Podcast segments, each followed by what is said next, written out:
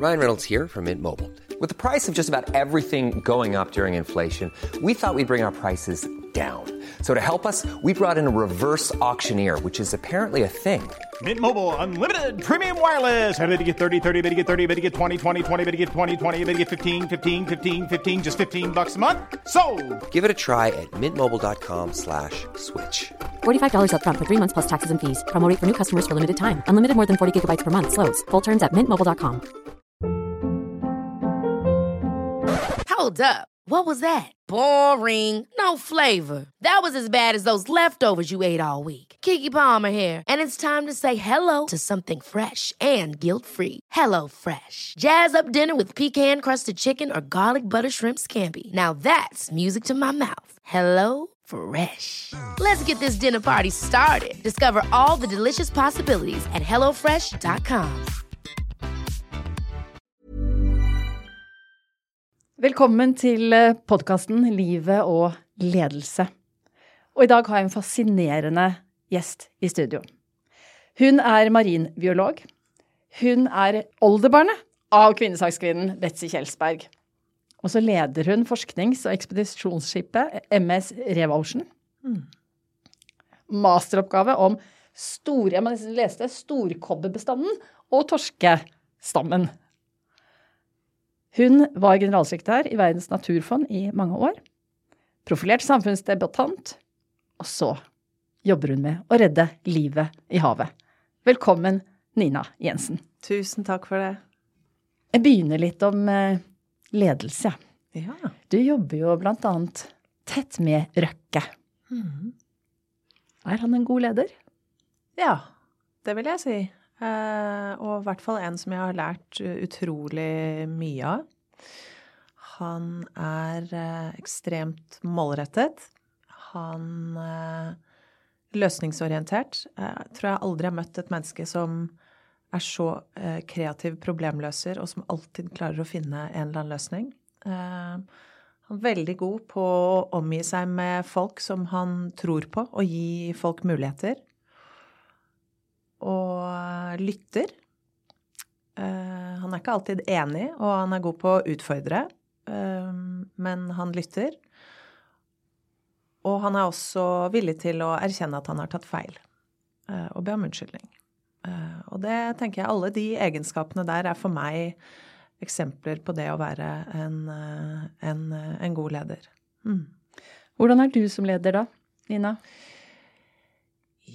Hvordan er jeg som leder? Ehm, jeg tror nok jeg er eh, mye av det samme, egentlig. Eh, veldig målbevisst. Eh, kan nok være ganske kravstor. Uh, tror jeg forventer mye av folk, for jeg forventer også mye av meg selv. Ikke nødvendigvis i forhold til tid du putter inn i jobben, men, leveranser og kvalitet på leveransene. Eh, så har jeg nok blitt mye mer eh, fleksibel eh, med årene, tror jeg. Mye bedre på å akseptere og tilrettelegge for et familieliv, eh, for for, for de som jobber for meg. Det kommer jo litt med, med livets lære, kanskje. Men eh, nei, forsøker å liksom sette tydelig retning. La folk få finne litt veien eh, til målet selv. Eh, ikke veldig opptatt av detaljerte strategier og planer, men å gi folk rom til å bli liksom den beste utgaven av seg selv på jobb, og få gjøre de tingene som de, de virkelig er gode på. Du mm, har snakket om at du har lært veldig mye, av moren din. Hmm.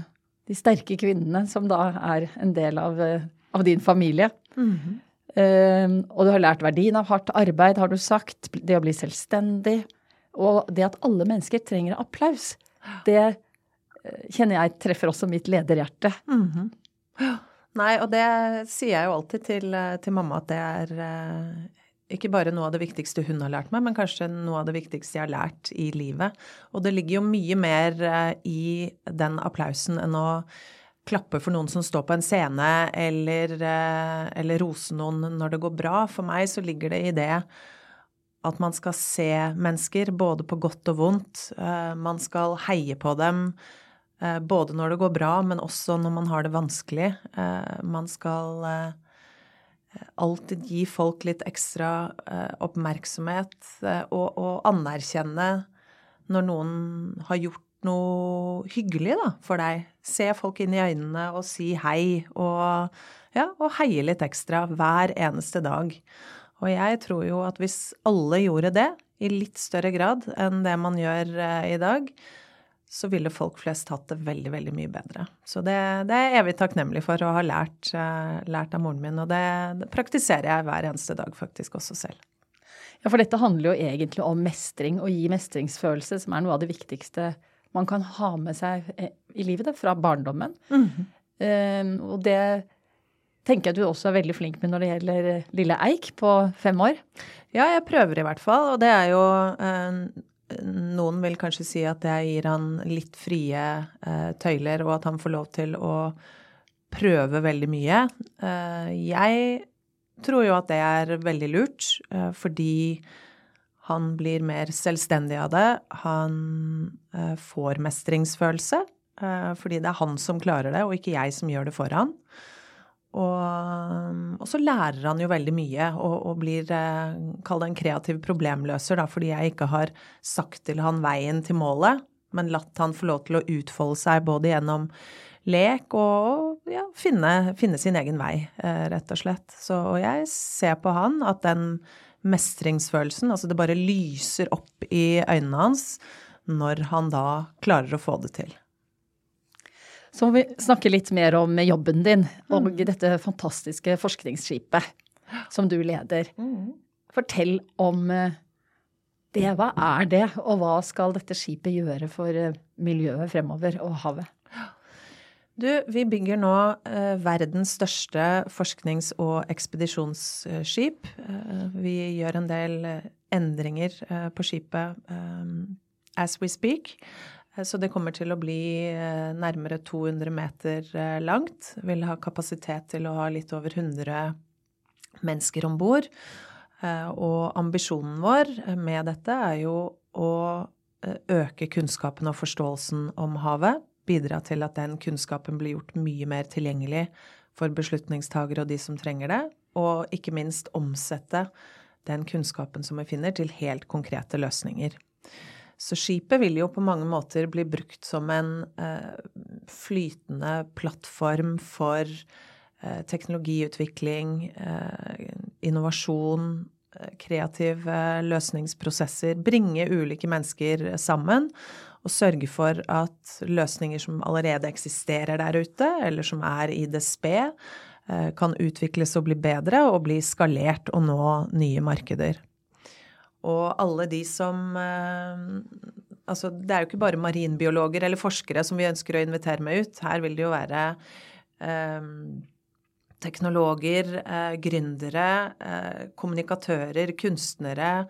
Alle som egentlig bryr seg om havet og vil eh, få til løsninger, vil kunne bli invitert med ut. Og alle får da være med gratis om bord med det soleklare eh, kravet om at de må bidra til å løse noen av de største miljøproblemene i havet. Så da har vi jo bestemt oss for eh, at det er særlig tre ting vi ønsker å prioritere. Det er eh, plastforsøpling, det er klimaendringer og effekten av det på havet, og det er overfiske eh, og destruktive fiskemetoder. Så det å finne bedre måter å fiske på, hvordan kan vi restaurere eh, korallrev, hvordan kan vi eh, bevare eh, viktige havbunnsområder eh, når det skal igangsettes ny industriaktivitet? Hvilke områder er det som må bevares og vernes i en tid da klimaendringer gjør sitt fulle inntog i, i havet? Hvordan skal vi sikre bærekraftig produksjon av mat i, i, i framtiden, for å nevne noe.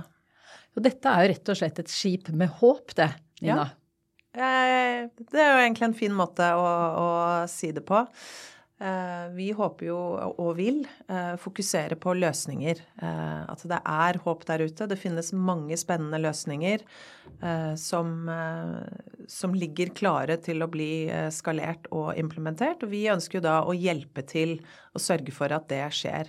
Så mange har jo også eh, beskrevet eh, skipet som en eh, Tinder for havbaserte løsninger. Altså det å hjelpe de som sitter på de gode ideene, med å koble seg på de rette ekspertene, finansiering, markeder, og, og sørge for å, å, få det til å skje, rett og slett.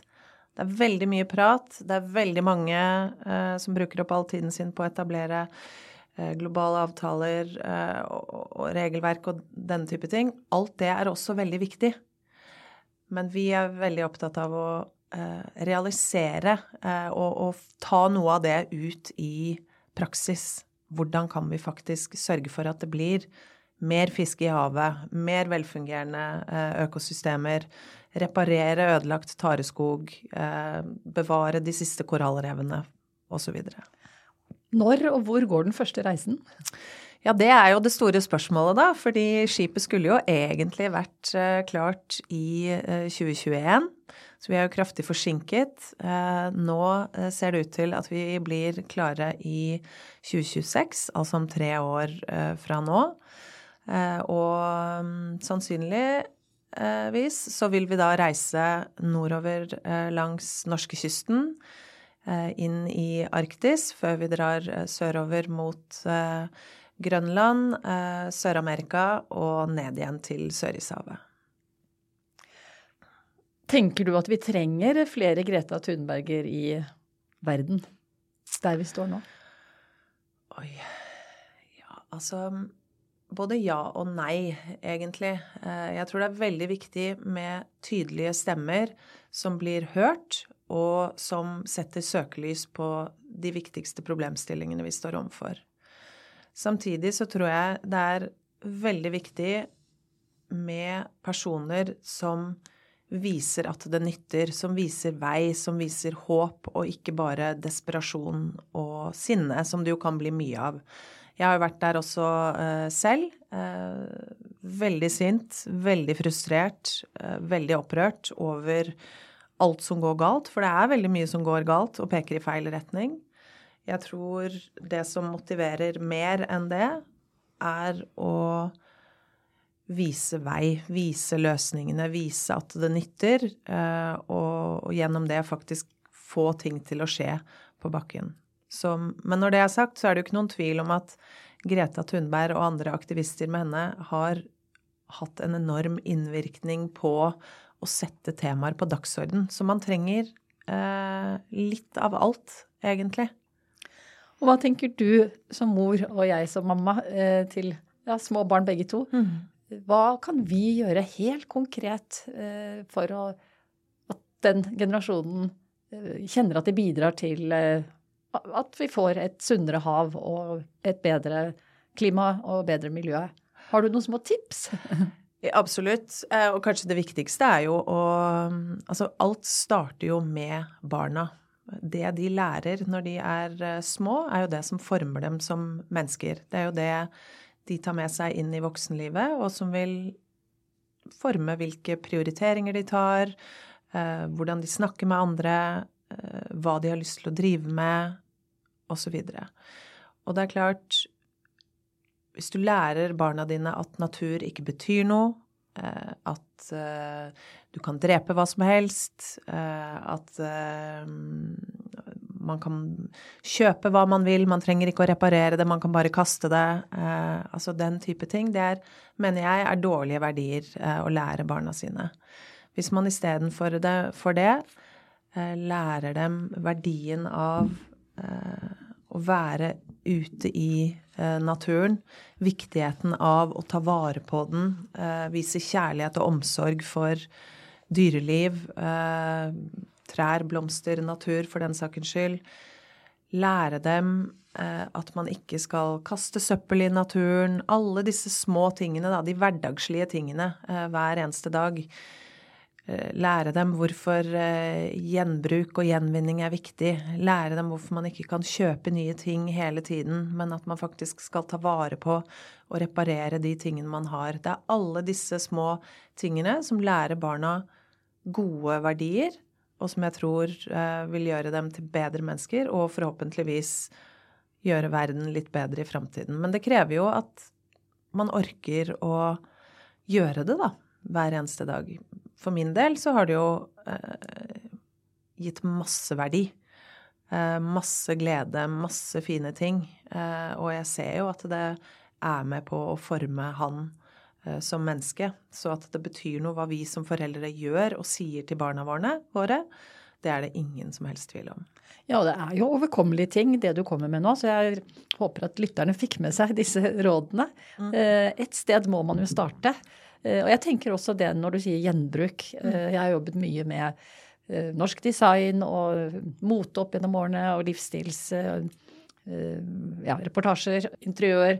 Nå er det jo en ny trend. Nå er det jo mm. de unge jentene som er på loppemarkedene. Det er det er trendy å, å gå for gjenbruk, lete mm. etter de skattene, eh, levere fra seg skatter. Mm. Og det samme også med det som handler om interiøret og hjemmet. Og, ja, og det er ikke sånn at man pusser opp hvert år lenger heller. Nei. Så når massene blir med, da, så mm. begynner det å bli, skje noe. Ja.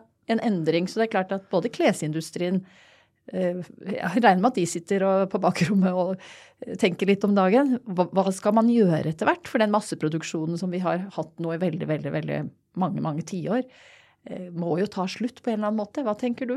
Ja, for det er jo faktisk helt uh, krise. Altså, og det er jo mange som kanskje ikke vet det, men, men, en av de største kildene til plast i havet gjennom mikroplast er klesindustrien.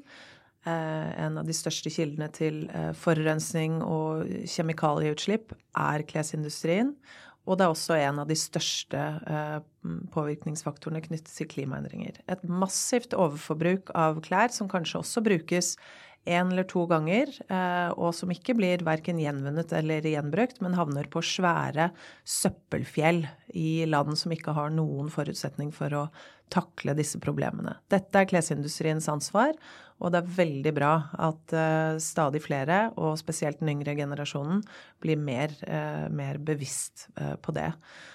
Vi leter liksom hele tiden etter nye løsninger, nye teknologier, ting som kan på en måte redde oss da ut av klima- og naturkrisen. Og egentlig så, så dreier det seg kort og godt om én en enkelt ting. Vårt massive overforbruk av planetens ressurser. Så hvis vi kan klare å få det under kontroll, så er veldig, veldig mye løst. Og da starter det jo faktisk med barna, og hva vi lærer dem. Men hva tenker du hvis vi skal se inn i glasskula ti år frem i tid? Eh, er det nedlagt en rekke store eh, klesmerker eller brands? Eh, tror du at det er den veien det kommer til å gå, sakte, men sikkert? Eller kommer det til å bare bli et sånt smell, og så har alle snudd ryggen til det til altså det forbrukssamfunnet vi lever i i dag, da.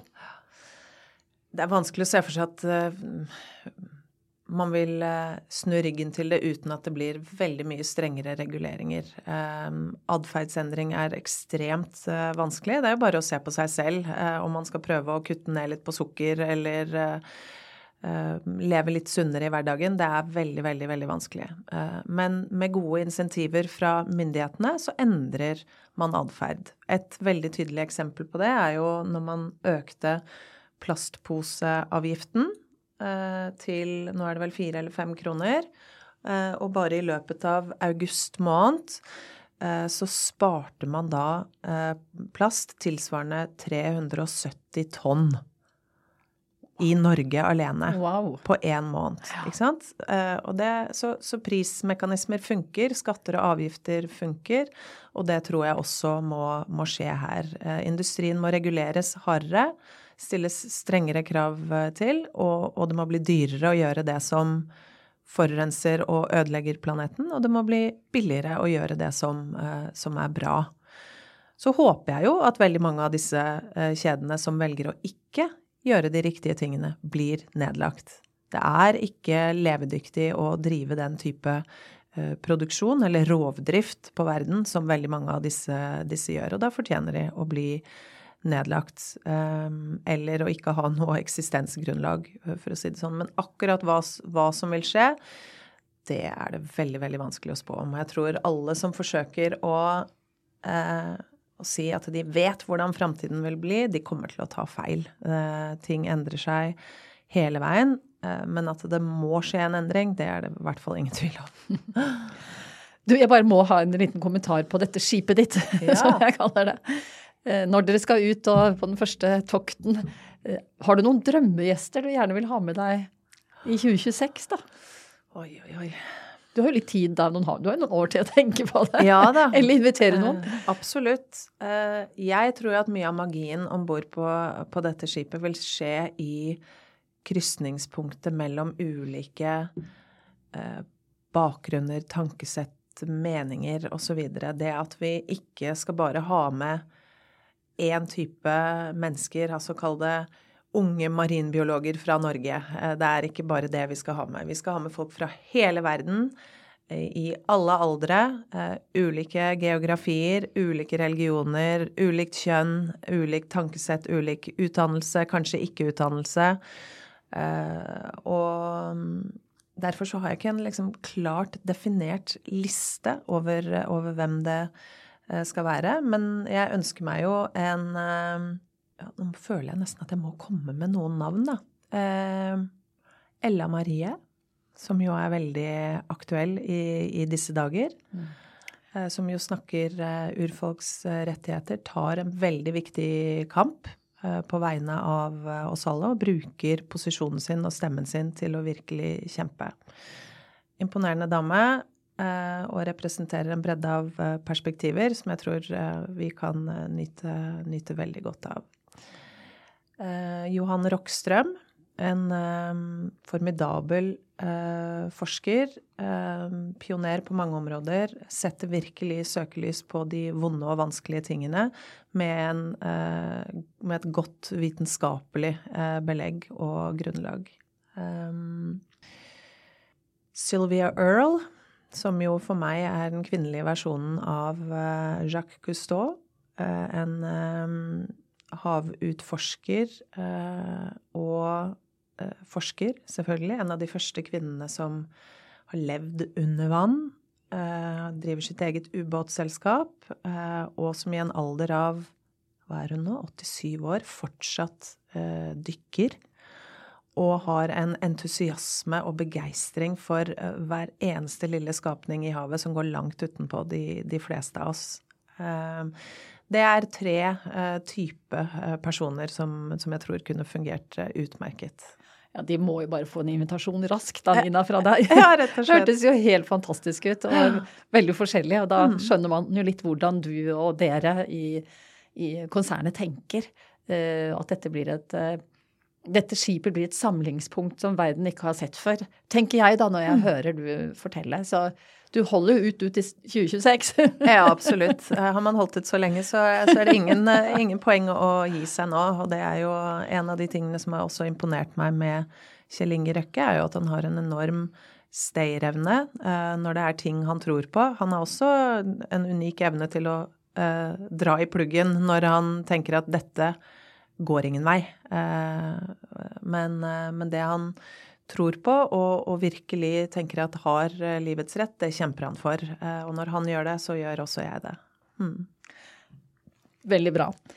Du, nå skal vi snakke litt om livet. Dette er en podkast som handler om ledelse, eh, saker man brenner for, som du har snakket eh, veldig bra om nå. Og så handler det om livet, som også henger sammen med jobbene våre. Og livet er både ledelse og eh, person, altså hvordan man utvikler seg som person eller som leder. Og mm, jeg begynner der med mm, Du mistet faren din når du var elleve år, akkurat sånn som jeg sitter med en datter som er elleve år, som nettopp har mistet pappaen sin. Fortell litt om hvordan det preget deg. Man er jo i en veldig sårbar alder, eh, for man er jo altså et eller annet sted mellom eh, barn og ungdom. Man uh, kanskje ikke helt klart å finne plassen sin. Uh, Veldig mye som skjer både i kropp og sinn. Og jeg var veldig nær uh, pappa. Han var også kanskje en av de viktigste i oppveksten min for å forme mitt naturengasjement. Han vi satt alltid og så på dyreprogrammer sammen, eh, så på spor i naturen, hørte på fuglelyder, altså den type ting. Skapte den derre begeistringen og fascinasjonen for eh, naturen eh, i meg. Og han var jo syk over en lengre periode. Han bodde i Sverige, vi bodde i Norge, så vi måtte i, i, all mulig hast hver eneste gang reise over til Sverige da, og så håpe at vi liksom rakk fram i tide uh, før han døde. Og en av uh, Eller den siste gangen, da, uh, som jeg så han i live, så da lå han jo på sykehuset, var jo sterkt preget av det, selvfølgelig. Og så var han livredd. Jeg så det i øynene hans. Han hadde et sånt helt skrekkelig livredd blikk. Og så sa han til meg Nina, du må ikke eh, dra fra meg, fordi hvis du drar fra meg, så kommer jeg til å dø. Og jeg måtte jo dra. Jeg skulle på skolen, han hadde ligget på sykehuset lenge. Eh, vi ante jo liksom ikke hva som, som kom til å, å, skje. Men det som jo da skjer, er jo at han da faktisk dør. Og for meg Eh, det har nok preget meg veldig eh, som, eh, som, menneske. Det at han nærmest ba på sine knær om at jeg ikke skulle dra, og jeg dro. Og det førte til at han døde. I mitt hode, det var min feil. Jeg kunne ha reddet han, og jeg var ikke der. Um, så det har nok gjort noe med meg både som leder og som privatperson i forhold til hvor mye innsats jeg legger i ting. Eh, at jeg har et enormt behov for å alltid være der. Alltid stille opp. Hvis noen ber om hjelp, så klarer jeg ikke å si nei. Eh, jeg eh, Det er veldig viktig for meg å finne gode måter å stille opp på. Og, og det gjør nok kanskje at jeg også brenner lyset mitt litt i alle ender, da. og, og ikke alltid er så god på å prioritere, eh, fordi jeg har lyst til å hjelpe alle. Så kommer eh, neste fasen i ditt liv. Du mm. treffer den store kjærligheten. Nikolai. Mm. Fortell eh, om starten på den, den, reisen med han. Du, det er jo kanskje eh, det mest magiske som har vært i, i mitt liv. Um, en eh, Ja, en Det blir jo klisjé å si sjelevenn, men, men en person som eh, jeg elsket fra, fra dag én, eh, og som jeg aldri ville være borte fra.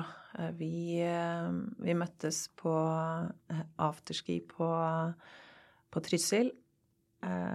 Og var vel sammen hver eneste dag fra neste dag. Eh, eller fra den dagen. Eh, flyttet sammen i løpet av eh, kort tid og fikk jo tolv gode år sammen. Og det som var ganske unikt, var jo at vi levde sammen, vi jobbet sammen, vi delte alt. Venner, fritid, interesser, drømmer, planer. Og vi fikk på en måte aldri nok. Vi hadde alltid lyst til å være sammen og finne på, på, nye ting, og det tror jeg er ganske unikt. Veldig ofte så blir man jo kanskje litt lei av hverandre, eller man trenger en pause. Jeg trengte aldri pause. Eh, og selv etter eh, tolv år så kunne jeg fortsatt løpe opp trappen eh, og inn i armene hans for å når jeg, når jeg kom hjem. Så det er jo et enormt privilegium, vil jeg si, å få lov til å oppleve, oppleve så eh, gjennomgripende kjærlighet og eh, være i et forhold der man har eh, så stor respekt for hverandre, eh, ønske om å hjelpe hverandre. Og jeg føler jo virkelig eh, en sånn uendelig takknemlighet overfor Nikolai for alt han har lært meg, eh, og for at han har hjulpet meg til å komme dit jeg er i dag. Fordi han fikk meg alltid til å rekke opp hånda når jeg tenkte at jeg ikke var god nok, eller ikke skulle søke på eh, nye stillinger eller bevege meg inn i lederposisjoner. For jeg tenkte at det, det kan jo ikke jeg gjøre. så fikk han meg alltid til å rekke opp hånda. Han dyttet meg fremover, opp og fram, hele tiden. Og jeg ville aldri vært der jeg er i dag uten han. Og så blir du gravid. Mm. Og det var jo Da tenker man jo at eh, nå kan liksom ikke livet bli mer eh, perfekt, egentlig. Eh, da hadde jo eh, Nicolai igjen dyttet meg inn i eh, drømmejobben, den nye drømmejobben i Revotion. Jeg var gravid. Vi hadde flyttet inn i ny leilighet på Fornebu. Og alt var bare eh, velstand. Og det er vel kanskje gjerne da ting skjer, da. Jeg vet ikke. Eh, men bare eh, tre uker etter at eh, Eik ble født, eh, så eh, får Nikolai et anfall. og det viser seg at han har fått hjernekreft. Den mest alvorlige eh, formen for eh, hjernekreft, eh, glioblastom grad 4. Eh, Og vi får jo beskjed om at han egentlig bare har noen måneder igjen å leve. Hva gjør du da? Hva gjør jeg da? Altså, forsøker å ikke falle ned i dyp desperasjon, men både Nikolai og jeg, vi var jo skrudd sammen sånn at vi, vi kunne løse alt. Det var ingenting som var umulig. Det, er, det finnes en løsning på alt. Eh, og det skulle vi jo i hvert fall finne nå. Eh, så vi eh, jobbet jo ganske systematisk og målrettet egentlig for å forsøke å finne en kur eller en løsning på dette. For det var ikke snakk om at han, at han skulle dø. Og jeg, var nok ganske eh, Jeg skal ikke si at jeg levde inni en liten boble, men, men jeg klarte i hvert fall aldri å ta inn over meg hvor alvorlig sykdommen var, og eh, hvor alvorlig eh, Altså hvor alvorlig det, det, det sto til. Jeg, jeg, klarte ikke å forholde meg til tanken på at jeg skulle miste han, eh, og Ja. Så derfor så Vi snakket ikke om døden. Vi snakket ikke om at det var en, eh, et mulig utfall. For det var rett og slett ikke eh, tenkelig for meg. Så vi eh, laget eh, Vi hentet inn de fremste ekspertene i, i verden. Eh, fikk de til å jobbe sammen. Eh, vi prøvde utprøvende behandling i utlandet. Vi la om eh, kostholdet, etablerte egne treningsprogrammer. Vi gjorde egentlig alt det som, som, selvfølgelig veldig mange andre som havner i samme situasjon, også og gjør. Og vi, vi var i eh, konstant kampmodus. Samtidig som vi jo også gjorde et poeng ut av at vi, vi skal leve hver eneste dag til det maksimale. Og så får han eh, ikke så lang tid sammen med Eik, Nei. for det går jo galt. Men du, eh, du holder håpet oppe du, helt til uh, siste halvtimen. Ja. Og du har han hjemme, og han blir sykere og sykere. Han blir sykere og sykere. Uh, Jeg ville ikke uh, Som sagt, jeg ville ikke akseptere det, så jeg jo, fikk jo hjelp til å kunne ha han hjemme. Og jeg var livredd for å at han skulle komme inn på, på sykehus, eh, fordi da tenkte jeg at kommer han inn på sykehus nå, så kommer han ikke ut igjen. Og det kan jo også ha litt eh, sammenheng med min egen far og hvordan situasjonen var, eh, var da. Så jeg Og han var jo en stor og tung mann, selvfølgelig, men jeg klarte da og jeg aner ikke hvor man klarer å mobilisere den kraften fra. Man klarte jo da å løfte en, en, en 80-90 kilo tung mann inn og ut av sengen, inn og ut eh, av dusjen. Altså alle disse tingene som man jo da må, må hjelpe til med. Samtidig som jeg jo var mamma for en liten eh, ettåring og, eh, og jobbet. Så til slutt så ble jeg jo tvunget til å ikke eh, jobbe. Ikke av meg selv, eh, men av arbeidsgiver, som da sa det får du faktisk ikke lov til. Og det var nok lurt, for det er klart man, man, man klarer rett og slett ikke, ikke alt. Um, Og der var jo også Røkke, det har du fortalt meg tidligere Mm. eh, viste så omtanke og omsorg for eh, deg og din situasjon da. Ja.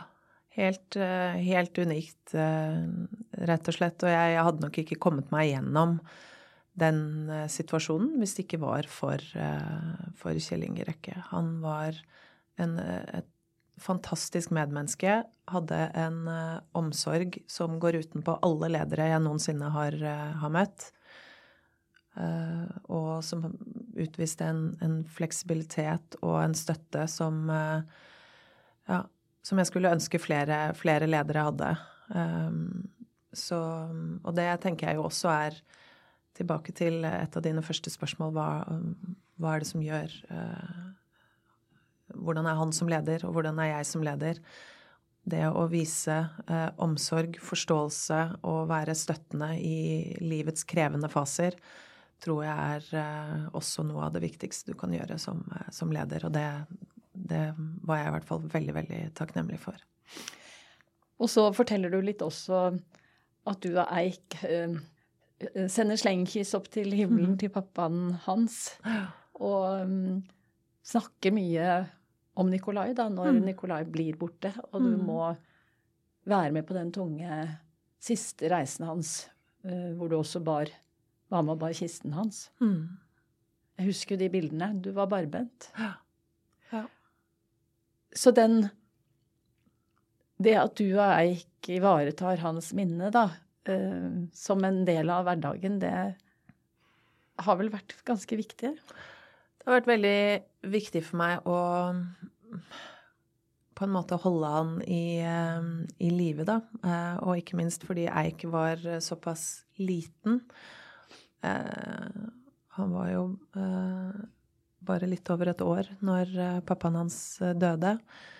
Og det å mm, sørge for at han fortsatt føler at han kjenner pappa, at pappa er med han, at han kan på en eller annen måte holde fast ved de gode minnene, alt vi hadde eh, skapt i løpet av det året, eh, var veldig, veldig viktig for meg. Så jeg um, Hver eneste dag så så vi jo på bilder og film av Eik og pappa. Eh, Vi snakket om han. Um, Og jeg tror nok det har bidratt til at han føler i veldig mye større grad en, en nærhet til pappaen sin, men også at han Altså, det er jo vanskelig å si om han husker det selv, eller om det er liksom tillært. Det spiller ikke, egentlig ikke noen rolle for meg. Uh, han husker det i hvert fall. Uh, og eh, det å da ha en litt sånn positiv tilnærming til det, da. At pappa er alltid med oss, vi bærer han med oss i hjertene våre. og slenger, slenger kyss opp i himmelen til han hver eneste dag, er en det har vært en fin sorgbearbeiding for meg, og forhåpentligvis en fin måte for Eik å, å huske på pappaen sin på. Og så går du også inn i en ny viktig sak for deg, nemlig kampen mot hjernekreft. Og engasjerer deg kraftig. Um, Fortell litt om hvor den saken står nå etter de årene etter at Nikolai døde. Det er klart, eh, det var et enormt nederlag eh, for meg eh, når jeg Fordi jeg føler det faktisk sånn. Jeg klarte ikke å redde han. Det var det absolutt viktigste jeg skulle gjøre, og jeg klarte det ikke. Så derfor så har jeg jo som livsmål at jeg skal gjøre det jeg kan for å finne en kur mot hjernekreft før jeg selv dør. Så vi ikke vi. Jeg samlet jo da uh, de uh, samme ekspertene som vi hadde jobbet med i løpet av Nikolais sykdomstid, uh, og en rekke andre, sammen i et ekspertnettverk som nå er veletablert i samarbeid med Kreftforeningen, og som da kalles eh, Nasjonal eh, hjernekreftkonsortium. Eh, så her bidrar jo vi til at det blir mer forskning, mer inkludering av pasienter i studier på tvers av hele landet. Vi har fått etablert et såkalt kvalitetsregister for hjernekreft, som gjør at man får mye bedre forståelse av sykdommen, sykdomsforløpet, behandlingsformer eh, og, og, muligheter. Eh, og, og, hjelper jo alle de som jobber med dette, til å få en bedre oversikt over eh, feltet. I tillegg så ser vi jo på ulike alternative og eksperimentelle eh, behandlinger. Og det er jo her også mye av kanskje løsningen finnes. Så nå har vi jobbet over tre år med fagmiljø og teknologimiljø internasjonalt, og vi håper å kunne opprette et behandlingstilbud i løpet av neste år til norske hjernekreftpasienter. Så jeg syns vi har fått til mye. Men selvfølgelig Fortsatt så er hjernekreft en av de mest alvorlige sykdommene man kan bli, bli rammet av. Prognosene er uh, dårlige. Uh, men uh, jeg håper, som sagt, at det i løpet av kort tid vil finnes alternativer som vil hjelpe de som dessverre havner i den samme ulykksalige situasjonen. Imponerende arbeid, Nina. Det sier jo veldig mye om deg på alle måter. Så ja, du kommer nok til å holde på med dette resten av livet ditt òg. Det gjør jeg absolutt. Ja. Mm. ja. Ryan Reynolds here from Mint Mobile. With the price of just about everything going up during inflation, we thought we'd bring our prices down.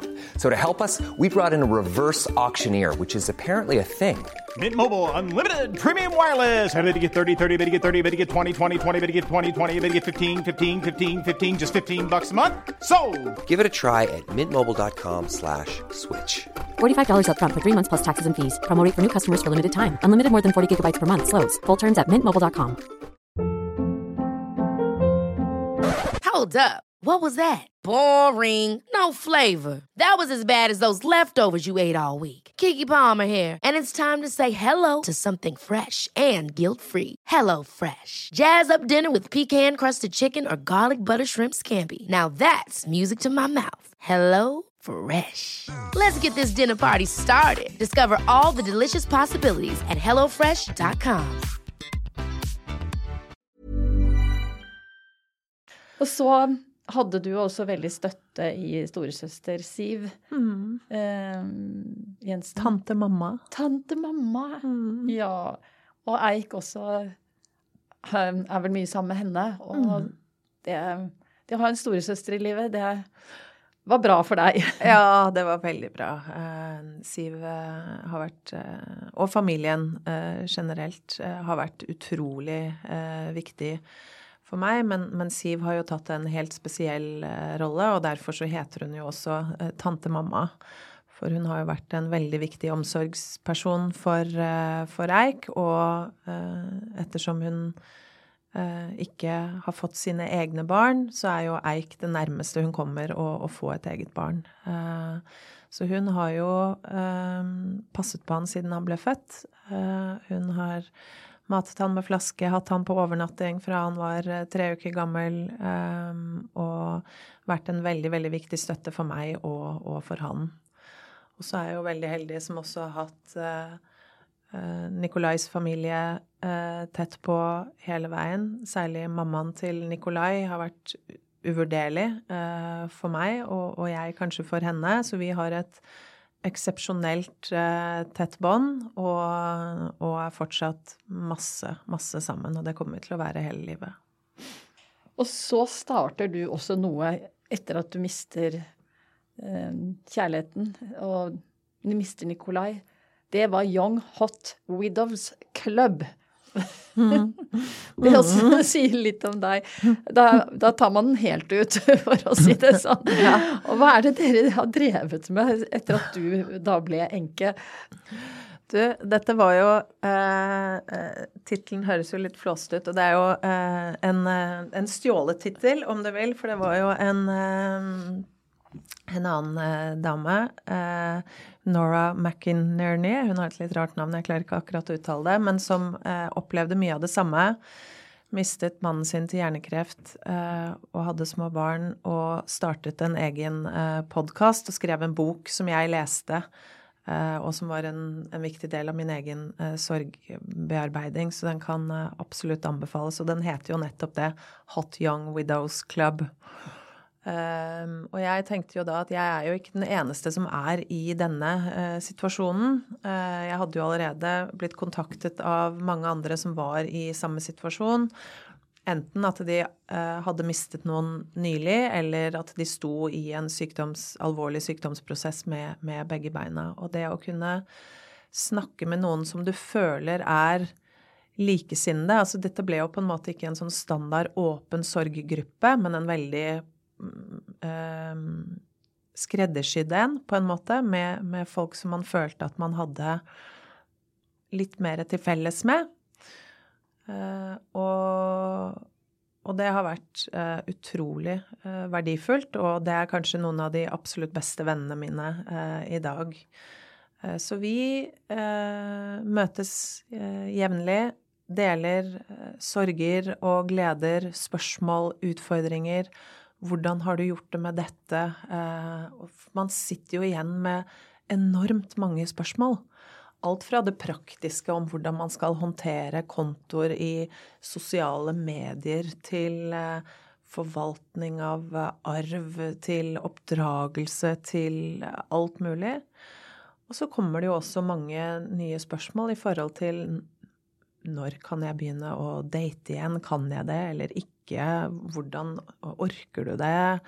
Hvordan kommer du deg ut av senga på morgenen? Har du noen tips til hvordan man skal komme seg i gang med trening igjen? Altså veldig mange uh, sånne spørsmål som det er veldig, veldig godt å kunne prate med noen som vet akkurat hva det er snakk om. Så var det jo uh, fordi man er på ulikt sted i sorgprosessen, så er det jo veldig godt å kunne snakke med noen som ligger litt foran deg i løypa. For her var det jo da eh, folk damer som hadde mistet mennene sine. Og i og for seg, vi har også en enkemann med i, i eh, klubben. Eh, men som da hadde mistet det både ett og to år før meg. Eh, og det å da kunne se at livet går videre på en eller annen måte, for det tror man jo ikke. Man tror jo ikke at det er mulig å verken leve videre eller å ha et godt liv, eller at man noen gang skal bli lykkelig igjen. Og så ser man at jo, men det Det går faktisk. På et eller annet mirakuløst vis som jeg ikke klarer å forstå akkurat her jeg er nå, så går det. Og det å kunne bevare det håpet ja, det er, det er det, absolutt Det har holdt meg gående gjennom de dype bølgedalene, det må jeg si. Så det, denne fantastiske damegjengen er Ja, har også vært redningen for meg. Og da greide du å se håp igjen med å treffe en ny mann, faktisk? Ja, og det er jo eh, Det var jo også helt fullstendig eh, utenkelig eh, for meg. Eh, jeg hadde jo jeg skal ikke si at jeg hadde bestemt meg for å være alene resten av livet, men jeg hadde forsont meg med at jeg har vært så heldig. Jeg har fått oppleve uh, ubeskrivelig uh, kjærlighet og over såpass mange år at jeg følte at jeg hadde liksom fått mer enn min tilmålte kvote uh, på kjærlighet og, og lykke. Og, og, da tenkte jeg at jeg, jeg, er helt fornøyd med og med det innebærer at jeg må være alene eh, resten av livet. Så er jeg jo ikke en person som er skrudd sammen sånn at det er optimalt. Jeg trives bedre i, i tosomhet. Jeg liker å ha noen å dele hverdagen med og, og finne på um, gøye ting med og drømme med. Så jeg husker at jeg i uh, desember i uh, fjor så sitter jeg eh, hjemme på kjøkkenet, og jeg hadde jo blitt dyttet av veldig mange til at jeg skulle komme meg på Tinder eller på alle tenkelige datingplattformer, og at jeg, nå var liksom tiden klar. Nå, nå, nå, burde jeg være åpen for å treffe en ny. Og så bestemte jeg meg for at vet du hva, jeg kommer aldri eh, til å gå på noen av disse datingappene. Eh, og jeg kommer ikke til å aktivt gå ut og søke etter noe, fordi det orker jeg ikke. Men så sitter jeg liksom litt sånn og sier høyt ut i, i rommet Men hvis du vil ha meg, så får du komme og banke på døra mi. og på et eller annet vis så var det kanskje å øh, åpne øh, sinnet mitt og energien min for å være mottakelig for å kunne treffe noen ny. Og det tok jo ikke veldig lang tid etter det før jeg da øh, var veldig heldig å treffe en fantastisk ny mann eh, på Nordfjell. Mm. Og dere har barn nå i samme alder, blant annet? En som er like gammel som Eik? Ja, vi har barn i samme alder. Eh, vi møttes da på nyttårsaften i Barnebakken på eh, Norefjell. Det var rett og slett som lyn fra klar himmel. Eh, det er eh, Hvis jeg skulle beskrevet historien, så er det jo Altså, det ville vært den, den dårligste romantiske komedien på Netflix som man alle vil se på og si 'det der skjer ikke'. Eh, men det gjorde det eh, faktisk. Så vi eh, Eh, ble stormforelsket i første sekund, begge to. Eller i hvert fall fikk en helt instinktiv gnist. Og har jo da vært sammen siden. Og mm, det er jo utrolig fint å se at det går an å finne ny kjærlighet. Det går an å finne ny lykke. Eh, det kommer jo aldri til å bli det samme, eh, men det er noe helt annet. Og det er også veldig, veldig fint. Eh, og det at man i tillegg da er på litt samme sted i livet, da, hjelper jo selvfølgelig veldig godt på. Og det er jo fint, tror jeg, for Eik også å kunne vokse opp med barn som han vil da forhåpentligvis regne som sine egne søsken. Mm. Jeg tenker på ja, den litt floskelen, dette at tiden leger alle sår, eh, Nina. Eh, mm. Jeg har også mistet et barn, og det er, det er noe Det er liksom ikke en sånn enkel eh, fiks det er, noe, det er, så mye vi ikke kunne, kan fikse når vi får syk Du fikk en syk sønn, jeg hadde jo et veldig alvorlig sykt barn, og tenkte også at alt kan løses. Mm. Og så kunne det jo ikke det. Nei. Men den tiden leger alle sår. Hvilket forhold har du til den setningen? Mm. Jeg husker at jeg ble så ordentlig provosert av den setningen, for det var så mange som sa det til meg eh, rett, liksom, helt i starten av at dette hadde skjedd. Og det er jo kanskje det, Altså, du vil jo på en måte høre det, og du vil tro på det, men du, du, du er på et sted som gjør at du, det er helt utenkelig for deg Eh, at livet skal bli bedre. Og da Jeg ble i hvert fall bare fryktelig provosert når folk sa det til meg. For dette her kom aldri, aldri til å gå over. Um, så ser jeg jo at um, Jeg vet ikke om tiden leger alle sår, for sårene er der fortsatt. Men du finner mestringsstrategier som gjør at du klarer å leve med det på en bedre måte. Og det blir bedre. eh, med tid. For meg så har det betydd at eh, disse vonde bølgedalene hvor man faller ned i en sånn dyp avgrunn av sorg Det går lenger mellom hver gang jeg havner ned dit. Eh, og mye flinkere til å finne lykken i hverdagen, glede meg, eh, kose meg med livet og Kall det puste meg igjennom sorgen som jo jeg alltid kommer til å, å bære, bære, med meg. Så tiden leger nok ikke alle sår, men tiden hjelper deg til å leve med de sårene du har. Veldig fint sagt. Og også veldig mye Kall det læring da, for andre som uh, hører på, og som kanskje er i en sårbar situasjon nå av ulike mm. grunner. Uh, og det at du har vært åpen om sorg.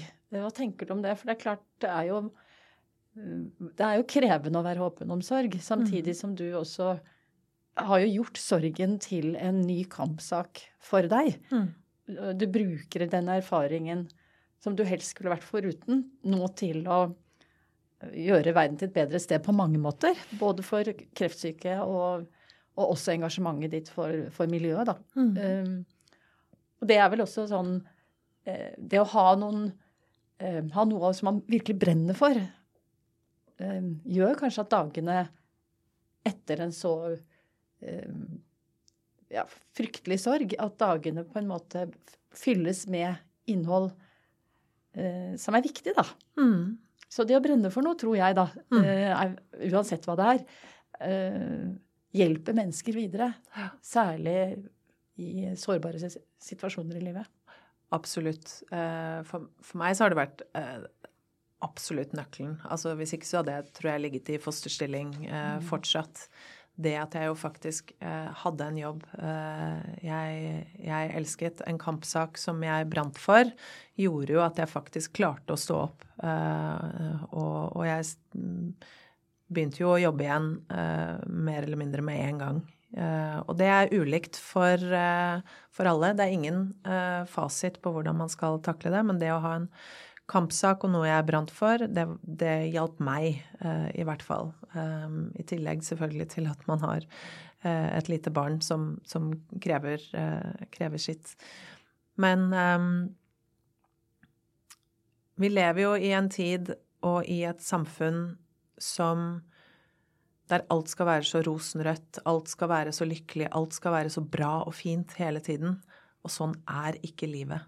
Livet er eh, en blanda pose drops. Det er veldig mye eh, ulikt eh, der. Det er sorg, det er glede, det er latter, det er tårer, det er smerte, det er motgang. Eh, det er medgang, det er eh, Ikke sant. Man, man opplever litt av alt, men, men det er det fulle. Og det at det er ytterpunkter av følelser og, og ting man må igjennom, gjør jo at eh, kanskje glede og lykke også oppleves på en mye sterkere måte. Fordi at man også har opplevd eh, det motsatte. Eh, det må jeg jo faktisk også si at eh, når jeg nå eh, var så heldig å treffe Håkon og bli forelsket igjen, så tror jeg kanskje jeg aldri har vært så forelsket eller hatt en sånn euforisk forelskelsesfølelse. Og det tror jeg er fordi jeg nettopp hadde vært eh, nede i en så uendelig dyp avgrunn av sorg. Og det å da kunne føle på en lykkefølelse og en forelskelsesfølelse igjen, gjorde at det liksom det dro opp skalaen da, på hva man faktisk kan føle. Men tilbake til spørsmålet ditt. Altså, det å være åpen om sorg har for meg eh, vært viktig både fordi jeg jo var eh, leder. Jeg hadde mange eh, folk i teamet mitt som selvfølgelig eh, ville være der for oss, og som lurte på hva som skjedde. Det å da dele åpent gjennom den prosessen gjorde det mye lettere å være i jobb og å stå i det med kolleger, og man fikk jo da også støtte fra et helt team eh, i uh, å, å kjempe de kampene som vi gjorde. Uh, og så gjorde det nok enklere også for um, folk rundt oss å snakke om det uh, og være støttespillere fordi de visste at det var ok å prate om det. Det var greit å stille spørsmål, det var greit å, å komme til oss. Uh, hvis ikke så er jeg redd for at mange ville ha skygget litt banen eller holdt seg unna fordi det er ube ubehagelig. Jeg skal ikke si at det er tabubelagt, men det er ubehagelig. Det er vondt, og det er vanskelig. Men ved at vi da hadde vært såpass åpne om det, så tror jeg at det gjorde kampen og sorgprosessen hele veien mye, mye enklere. Og så har det for meg vært viktig um, i forhold til min egen psykiske helse, men også for, um, for andre mennesker der ute, uh, å, uh, vise at sorg er en helt naturlig del av livet. Forsøke å dele litt noen tips og råd på veien i forhold til hvordan jeg har opplevd det, og hva jeg har gjort for å takle det. Um, og, og, og, gjennom det forhåpentligvis hjelpe noen til å få det litt bedre i sin egen uh, sorgprosess, da. Ja, tusen takk for åpenheten din, Nina. Det syns jeg er veldig viktig. Uh, og du har greid også å gi veldig mange refleksjoner uh, gjennom denne samtalen, og det takker jeg deg veldig for også. Og så tenkte jeg at vi skulle avslutte med noen litt sånne fine livspunkter eh, som du la ut på Facebook for ikke så mange dager siden. Ja. Fin liste, tenkte jeg. Jeg skrev den ned også her til meg selv. Skal, den skal jeg ha med meg hvis jeg skal. du sier liksom én. Bruk tid på de som betyr noe. Og så sier du to. Velg kampene dine. Og så sier du tre. Sørg for mangfold og inkludering i livet ditt. Og så sier du fire. Glem ikke hvem du er, og hva du kjemper for. Og fem. Ha det gøy på veien. Og alle fem er like viktige, eh, men kanskje særlig det siste. Livet er kort, det er uforutsigbart, vi aner ikke hva som venter rundt neste sving, og godt er det. Så sørg for å nyte livet og ha det godt på veien. Det er det absolutt viktigste jeg ville, eh, rådet jeg vil gi. Det var en nydelig avslutning. Tusen takk for at du brukte tid her i podkasten Live og ledelse, Nina. Og eh, ja, lykke til med alle de sakene du brenner for, og skipet ditt som, eh, som eh, skal også forandre verden. Tusen takk for at jeg fikk komme.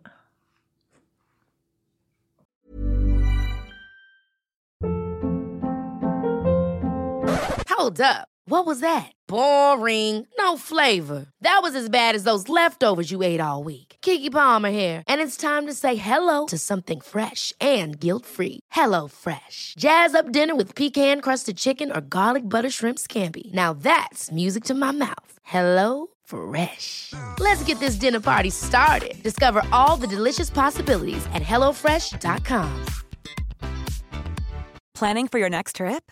Elevate your travel style with Quince. Quince has all the jet setting essentials you'll want for your next getaway, like European linen, premium luggage options, buttery soft Italian leather bags, and so much more. And is all priced at 50 to 80% less than similar brands. Plus, Quince only works with factories that use safe and ethical manufacturing practices. Pack your bags with high-quality essentials you'll be wearing for vacations to come with Quince. Go to quince.com slash pack for free shipping and 365-day returns. Takk for at du lytter på Liv og ledelse. Jeg setter pris på om du vil gi den stjernerating eller kommentarer i Apple Podkast. Har du innspill til gjester du ønsker jeg skal invitere, så hører jeg gjerne fra deg. Sjekk ut Instagram-kontoen Liv og ledelse, og følg oss gjerne der. Du kan trykke følg eller abonnere på denne podkasten i den podkastspilleren du bruker. Vi høres! En podkast fra Storypeople.